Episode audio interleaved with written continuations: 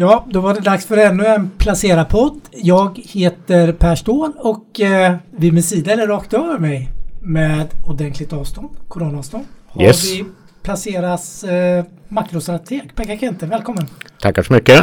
Kul att vara här igen som alltid. Ja, vad trevligt. Idag var det kallt. Eller lite Ja, kallare. fast inte så lika kallt som jag hade ute på landet i helgen. Då hade jag upp mot minus 20 så att... Men jag vet att du är härdad på kyla för jag vet att du är... Både du och jag är ju från en tid då man gjorde värnplikten. Och du är gammal sådär. Jag säger alltid fel. Jag blandar alltid ihop det. Fjälljägare och äh, Lapplandsjägare. Ja, Norrlandsjägare är jag Ja, väl. Norrlandsjägare. Från Arvidsjaur. Ja, då är man van vid kyla.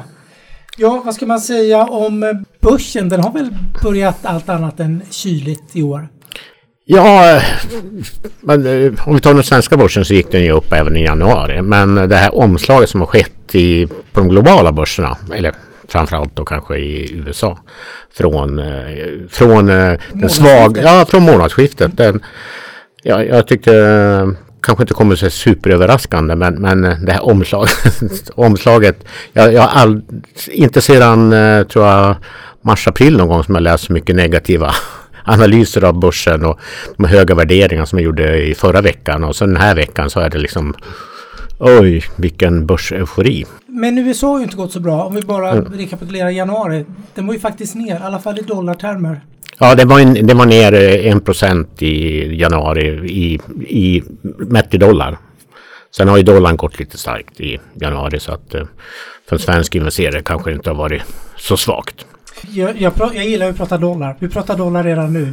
Ja, Så okej. att den inte är med här idag. Och det måste den ju vara. Jag tänkte, vad, vad är dollaruppgången har liksom överraskat väldigt många vad jag förstår. Jag har tittat Bofast den här investerarenkäten. Där har den legat som en stor trade. Det har varit att korta dollarn under hela förra året i princip. Varit en bra strategi mot många valutor som eh, gå- gått väldigt Ja. starkt då. Mot euron om om vi tar de Ja. riktigt stora då. Men, Men vad... Är det här ett... Det är ju inte risk av, men den... Ska, ska dollarn gå bra, jag vet att du har sagt det innan, då, då ska det vara... Det ska inte vara risk på, det ska vara lite risk av. Eh, Då är det en liten safe. ja, Vad... eh, Varför har den överraskat, tycker du, på Ja, jag, jag tycker att det är två saker framförallt. Det, det ena är att det var lite risk av på globala börser eller amerikanska börser i, i januari. Sen steg ju räntan efter att Eh, eh, Demokraterna vann de här två platserna i Georgia som gjorde att de fick majoritet i, i senaten. Och eh, då drog ju räntorna iväg och är det då risk, lite risk av eller lite försiktigt eh, så Ska du köpa då ett räntepapper som är den naturliga vägen så varför inte köpa ett räntepapper i, i USA som faktiskt ger någon procent i avkastning i alla fall. Jämfört med till exempel en tysk som ger, eh, en, om nu pratar jag om tioårsräntan, som ger en avkastning på minus 0,5 procent. Så du kan välja minus 0,5 eller dryga styva procent Ja, på, precis. på en amerikansk tioåring idag. 1,1 eller 1,2 eller något sånt. Så det var väl naturligt att man sökte sig till, till dollar. Och sen ska vi komma ihåg att det var i princip eh, var marknaden rekordkort dollar vid månadsskiftet december-januari. Så att det är många som eh, behövde täcka sina positioner och, det ger ju dollarn en extra skjuts uppåt.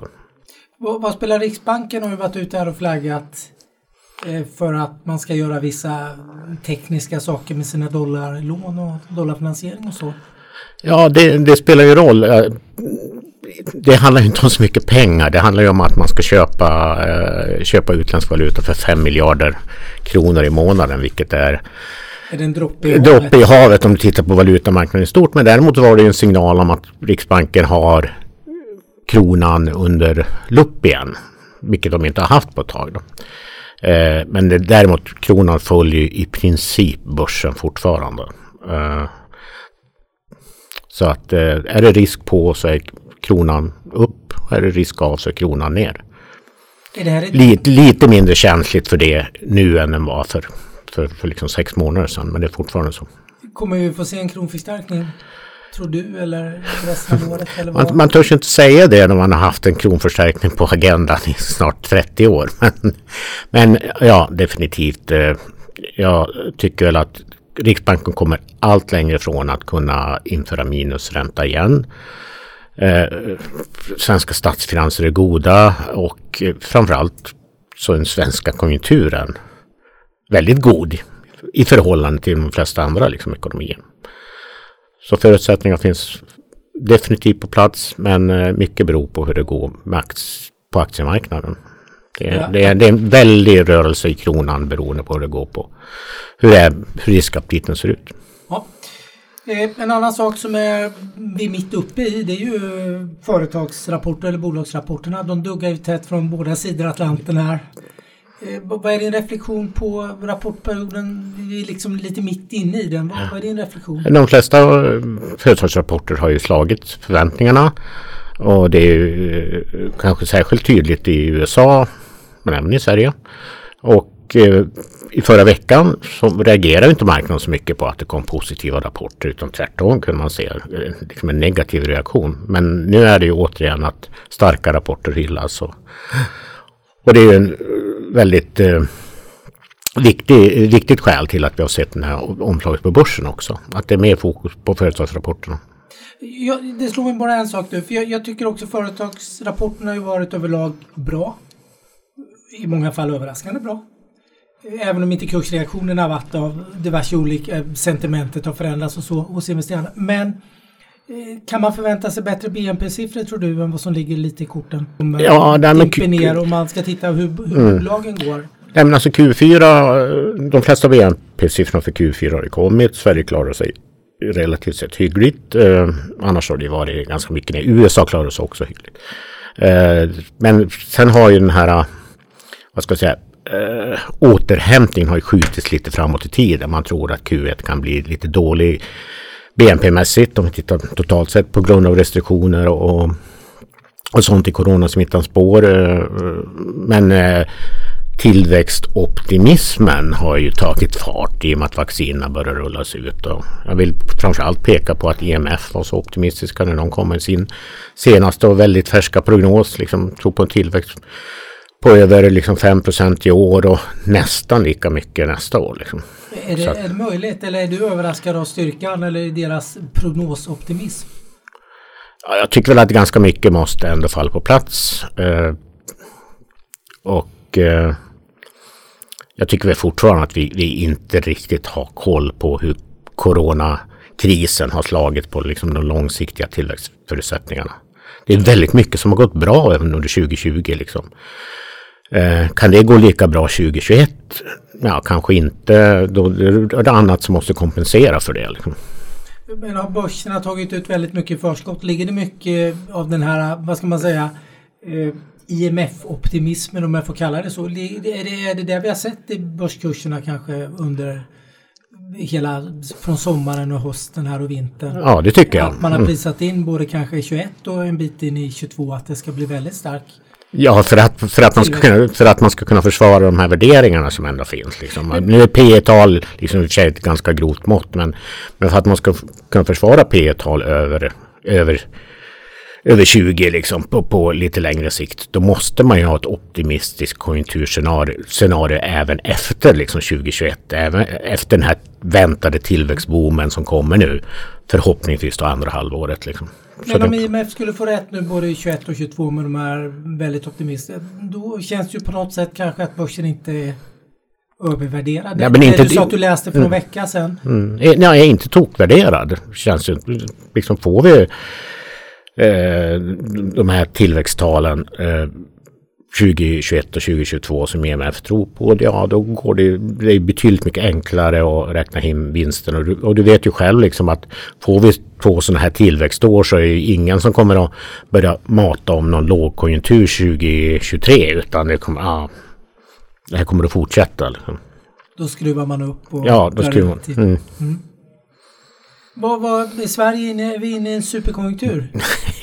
ja, eh, vi, vi, vi, ja, vi sitter här på en onsdag och inköpschefsindexen för januari har, har uh, trillat in för Sverige och, och, och skulle, skulle det vara liksom mer normala omständigheter så skulle vi kalla det en superkonjunktur med, med god tillväxt eller väldigt god tillväxt i, i industrin och hyfsad tillväxt i tjänstesektorn.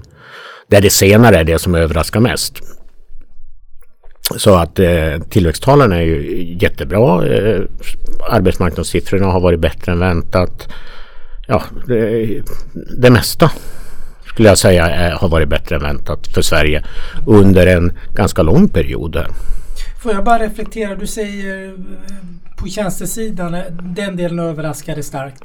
Är det inte den delen som kommer växa mycket nu då under både 21 och 22? Eh, tänker jag, för industrin har ju ändå i min värld klarat sig förhållandevis bra. Ja. Medan tjänstesektorn mer eller mindre har kollapsat, vilket man förstår. För restaurangerna stänger klockan åtta, det är ingen som tar in på hotell och det är massor med, med tjänstejobb som eh, inte går på högvarv mm. direkt.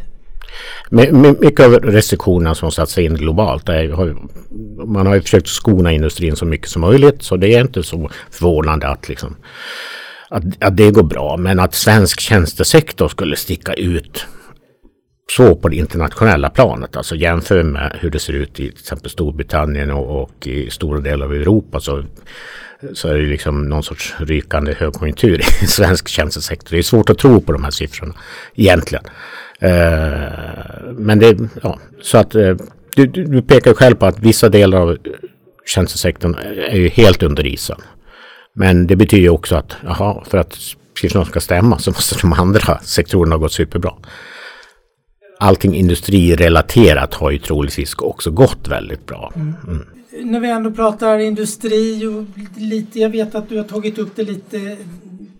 Vi har pratat om eh, både inflation men framförallt leveranstider och inköpskostnader börjar rusa i höjden. Jag berättade att jag var, jag hade kontakt med en, en egenföretagare i, i helgen, i lördags faktiskt. Och då berättade han något som jag blev lite överraskad. Han handlar huvuddelen av sina insatsvaror köper han från Kina. Och han berättade för mig att fraktkostnaderna, sån här containerfrakt, har, alltså det har gått helt hiskeligt har det höjts i pris nu senaste tiden. Eh, vilket slår på hans marginaler. Han var jättetydlig. Vinsten är, kommer i princip att försvinna för den här fraktkostnaden tar alldeles för mycket av, eh, av den totala kostnaden för produkterna då. Jag har inte tänkt så mycket på det tidigare, eller ingenting. Men eh, du har ju pratat lite om det. Vad, vad blir din känsla när du hör det här? Är det en grogrund för inflation eller vi får se hur det blir. Men, men om vi återgår till de här inköpschefsindexen som kom här på onsdagsmorgonen så, så pekar ju både industrin och tjänstesektorn både på liksom att problem med leveranserna och eh, stigande inköpskostnader. I industrin, nu är det här ett index och sådär, liksom, eh, mäter inte den faktiska utvecklingen utan mer liksom, tendenser. Men i inköpskostnaderna i industrin var det inköpschefsindex för, för inköpskostnader var ju den högsta på sedan 2004.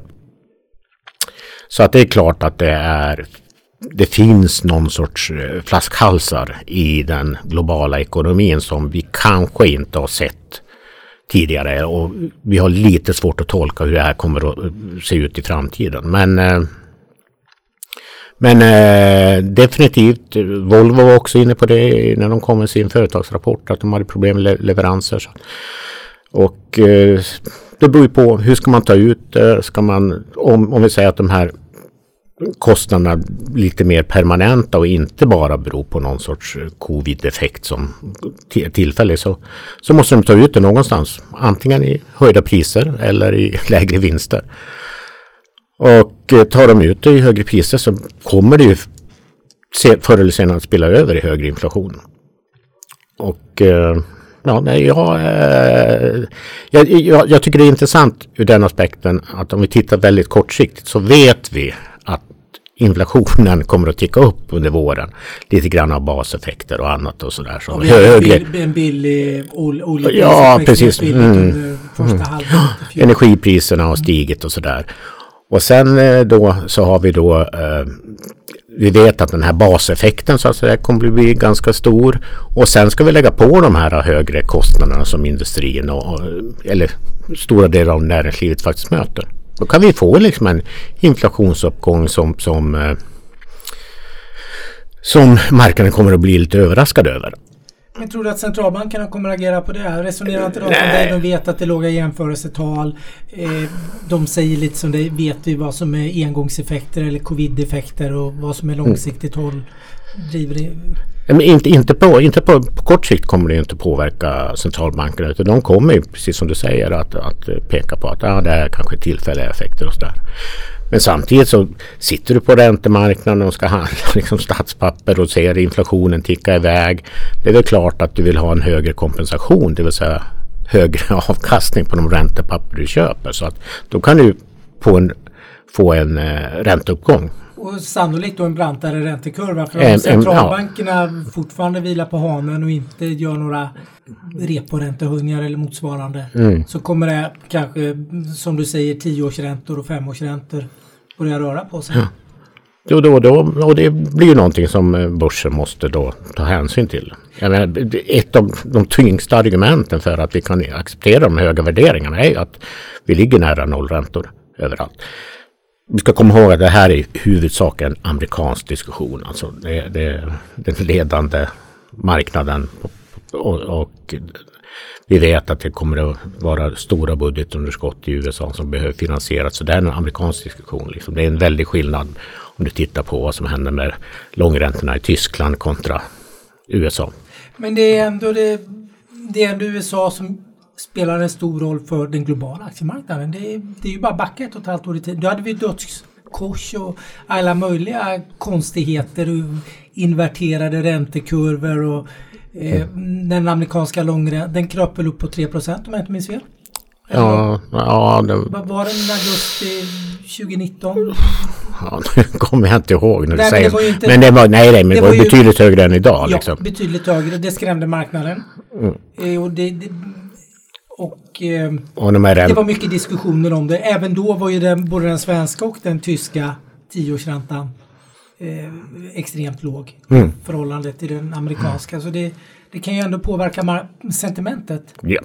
Ja, och det borde göra till exempel på den, på den uh, svenska börsen då, som har skuggat den amerikanska börsen i väldigt stor utsträckning under de senaste åren. Så att, uh, det är något att hålla ögonen på. Det är att långräntorna ska ja, jag, jag, jag, tror, mm, jag tror att det är den uh, absolut viktigaste variabeln att hålla koll på som, som en potentiellt negativ faktor för börsen. För jag tror att vi kommer att skulle liksom vaccinerna börja rullas ut, eh, nu har det ju krånglat EU och sådär men, men troligtvis så kommer det fungera bättre framöver. Eh, konjunkturen kommer att stärkas både i industrin och tjänstesektorn globalt. Då. Eh, så vi kommer få väldigt mycket goda nyheter i övrigt. Och BNP-siffror som... Och BNP, ja, BNP-prognoser som kommer att skruvas upp kanske och sådär. Eh, så då är det ju, då är det ju liksom ränteutvecklingen som kommer att bli den kanske mest centrala variabeln för, för uh, börsutvecklingen. Det är alltså min syn på Ja, jag förstår. Mm. Det spelar ingen roll om centralbankerna lugnar med så att vi kommer inte höja räntorna på mm. överskådlig mm. framtid och så vidare. Då. Eh, jag tänkte bara en liten snabb kommentar till leverans, eh, leveransproblematiken du pratade. Jag tänkte handelskriget sägs ju att det har skapat vissa problem mellan Eh, Kina och USA. Det är framförallt halvledarindustrin där det har kollapsat delvis. Mm. Och jag såg att inom många branscher så pratar man om att det är en brist på halvledare. Mm. Biltillverkning och eh, många Internet of Things. Man har halvledare lite överallt numera. Ja. Inte det, bara i datorer och mobiltelefoner. Nej, ja, den amerikanska, det var ju flera eh, nu här i, i natt eller i morse så var det ju flera amerikanska kongress eller sedansmedlemmar, jag vet inte vilken, var de kommer ifrån riktigt. Men de är inne på att man måste ju lösa halvledarproblematiken. Och halvledare görs Taiwan är väl den största eh, exportören nu för tiden men sen är det ju Kina. Så att då måste man ju få tillgång till kinesiska halvledare. Och sälja vissa, vissa insatsvaror som krävs ja. så, som de inte är självförsörjande på jag förstår som man har bromsat mm. idag från administrationen. Så det, det, det, det, finns det är två saker det finns en extrem brist på i dagsläget och det är halvledare och vaccin.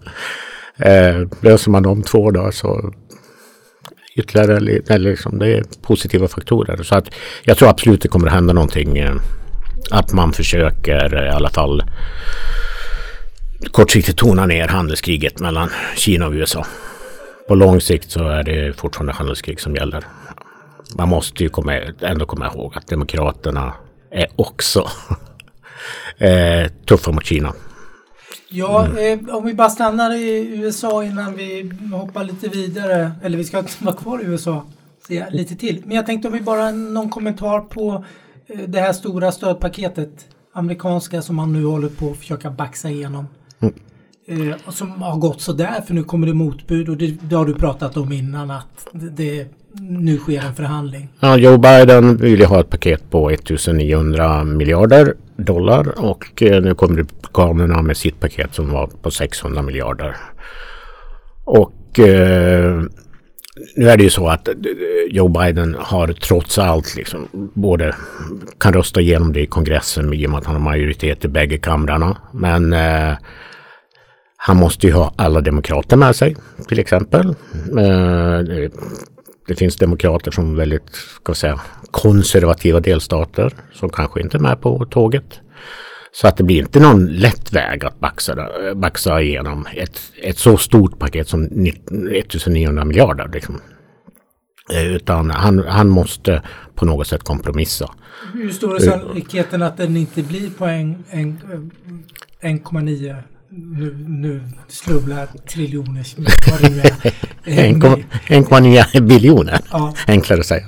Eh, vad, eh, är det ett drömscenario som marknaden har tagit till sig? Att den skulle bli så pass stort? Ja. V vad är rimligt? Är du hittar mellan 600 och 1,9? Vad 1,2 1,3? Jag tror att det rimliga är att det, det sker i två steg. Att man tar de lätta delarna av paketet, det man kan vara överens om. Möjligtvis sånt som hushållscheckar och sånt där. I ett första steg, säg att det är, blir ett paket på någonstans 60-800 miljarder. Och sen tar man, försöker man ta de här lite svårare eh, sakerna där man i vissa fall behöver ha en eh, nästan en kvalificerad majoritet. Det finns olika typer av liksom, scenarier där man kan liksom, pressa igenom sina budgetförslag eh, eller sina stimulansförslag. Men eh, det, då är det en mycket stökigare process. Så att eh, jag, jag tippar att det kommer eh, i två steg. Blir marknaden besviken för att det kommer i två steg? Ja, de är håller väl på att ställa in sig på det. Men eh, det får inte bli mycket, mycket mindre. Jag tror inte de här 600 miljarderna som Republikanerna har föreslagit som räcker utan det måste till mer. I alla fall att det finns i förväntningarna. Ja, det finns i förväntningarna. Jag tänkte på en annan sak. Nu är vi ju kvar i USA. Ja, något man inte kan eh, liksom runda det är det här GameStop-syndromet. Får vi snarast kalla det för. Och vad är din syn, dina tankar? Vad... ja, alltså dels, dels, nu vet jag inte om det är Sveriges kyrkan, men dels tycker jag att det var ett eh, intressant fenomen som dök upp. En, en, helt ny typ av investerare som tänker helt annorlunda. Som hittade ett, ett case med någon sorts spelvärde i liksom. Som de körde. Ja, sen förstår jag att liksom alla reagerar och säger ja men det, det kommer att sluta med att 90 procent av de här som kliver in i det kommer att förlora sina pengar. Och det, det håller jag med om. Eh, men, men eh, återigen liksom att ja, jag tycker att det finns värre saker som har hänt på finansmarknaden de senaste 20 åren än att eh, det här. Jag, jag är förvånad över att kanske framförallt liksom media och, och, och liksom finansmarknaden och väldigt många politiker har liksom fördömt det till en sån hög grad. Jag menar, jag, jag, kan ju peka ut aktier då som, som är högt värderade där man också skulle kunna tänka sig förbjuda det. Alltså vi pratar inte om 8000 procent i uppgång som GameStop. Men, ja. men det är ett nytt fenomen. Det är ett nytt fenomen och vi får se hur det slår. Eh, eh, nu är nu överraskningsmomentet borta för de här som körde, kör det här racet. Eh, så det blir betydligt mycket svårare det, det kan bli lite nagelöga på vissa hedgefonder då som har en strategi att eh, korta väldigt mycket, ja. mycket mm. aktier i kanske, vad ska man säga, eh, sektorer som påverkas hårt av strukturella mm. åtgärder mm. och sådär. Ja, men jag tycker det, det, är ett intressant fenomen som har dykt upp och eh, vi får se hur vi ska hantera det. Jag menar, hur eller hur så, så, så har väl folk ändå rätt att köpa det, köpa det de vill till vilket pris som helst. Egentligen liksom. Nu, nu hårdrar jag det givetvis men eh, Det, det, man har inte satt någon i fängelse för de har gjort dåliga affärer. Nej, precis. Men eh, vi får se om det... Om det eh, ja, det blir svårt att upprepa GameStop-grejen. Men det, det är liksom en ny typ av aktörer som jag inte, säkert inte du heller, liksom en aning om hur liksom, de kommer att skjuta in sig på små nischer liksom här och var. Nej, och de kanske ser på risk på ett helt annat sätt Ja, och de kanske ja. är beredda att förlora kanske Mm, 90 procent av insatsen. För att, ja. Ja, Vad vet det- jag? Vi får se. Det är spännande och det är något nytt. Och eh, det är lite intressant att se debatten. Jag håller med dig. Eh, folk, vissa är snabba på att fördöma och så vidare. Vi får se hur det slutar. Vad är dina tankar annars om, eh, om börsen eh, framöver och lite tillgångslag? Och hur tänker du allokeringsmässigt här in i februari? Jag är försiktigt positiv till, till aktier eh, givetvis och det är svårt att säga någonting annat när februari har tok startat. Däremot så, så tycker väl jag att tror man på de här IMF-scenarierna eller liksom att vaccineringen ska liksom rulla ut, ekonomierna ska öppna upp så, så tror jag kanske mer på andra marknader än liksom Sverige och USA. Utan, eh, ja. Var lägger du pengarna? Nej men alltså jag tycker väl att det är intressant till exempel med Östeuropa. Mm. Nu finns det många länder som inte har tillgång till vaccin och det, kom, det, det kommer att dröja innan de får det också. Men eh, ska man se lite framåt så är, tycker jag att det finns väldigt många intressanta eh, regioner inom till exempel tillväxtekonomierna. Som är hyfsat lågt värderade. Eh, och där dit jag tror att pengar kommer att söka sig framöver. Det är min gissning. Eh, återigen, tror man på, på vaccinoptimismen och IMF, då är ju råvaror givetvis en bransch. Ja, för just råvaror var väl IMF ute och också... Ja, det var väl inte så långt att dra den slutsatsen, men det var väl något som de... Ja, de lyfter, ju, de lyfter sina råvaruprognoser. Och det är det enda de var lite tveksamma till var väl kanske oljan. Liksom, att, eh, för vi pratar ju fortfarande om en bransch som Strukturell motvind. strukturell motvind, eh, ett produktionsöverskott, ett, ett produktionsöverskott som finns underliggande. Och, och vi ser också att, och tittar du på terminspriserna på olja så är de eh, idag eh, väsentligt mycket lägre än spotpriserna. Så att, eh, Det är synen på marknaden. mm, men eh, råvarumarknaden.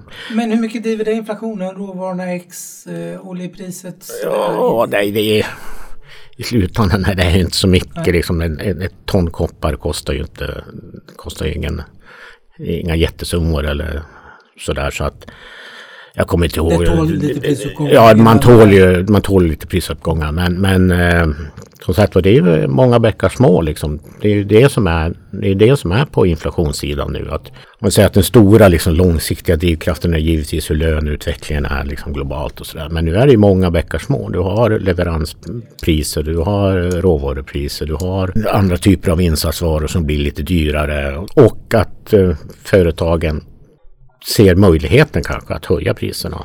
Jag känner att om ett år när vi sitter där då kanske man vet lite mer vad som var engångseffekt och vad som är mer strukturella av att man har avglobaliserat och så vidare. Vad som nu eh, ligger bakom inflationen.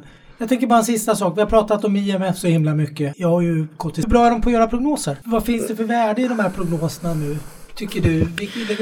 Är det om dina kreditinstitut. liksom? Där? Wow, nu kommer IMF. För de, de har, mm, man bra sannolikhet att eh, världen blir så här. De har väl ett hyfsat eh, prognosrekord. Eh, inte lysande på något sätt. Det finns säkert de som är bättre. Men däremot så, så ska man ju komma ihåg att IMF många gånger liksom ligger som underlag för alla andra, eller de flesta andra prognosmakare. Eh, så att det är svårt att ha en annan syn än IMF utan att dra ganska drastiska liksom, slutsatser och göra eh, ganska drastiska liksom, vad ska jag säga, eh, ja, eh, ha, en, ha en ganska annorlunda syn på Det världsekonomin. Ja, du får det, en- det blir, mm. Då ska du vara hårdhudad och ta den diskussionen. Sen, Kanske, sen, det kanske är IMF som har drivit upp kurserna redan nu, vem vet?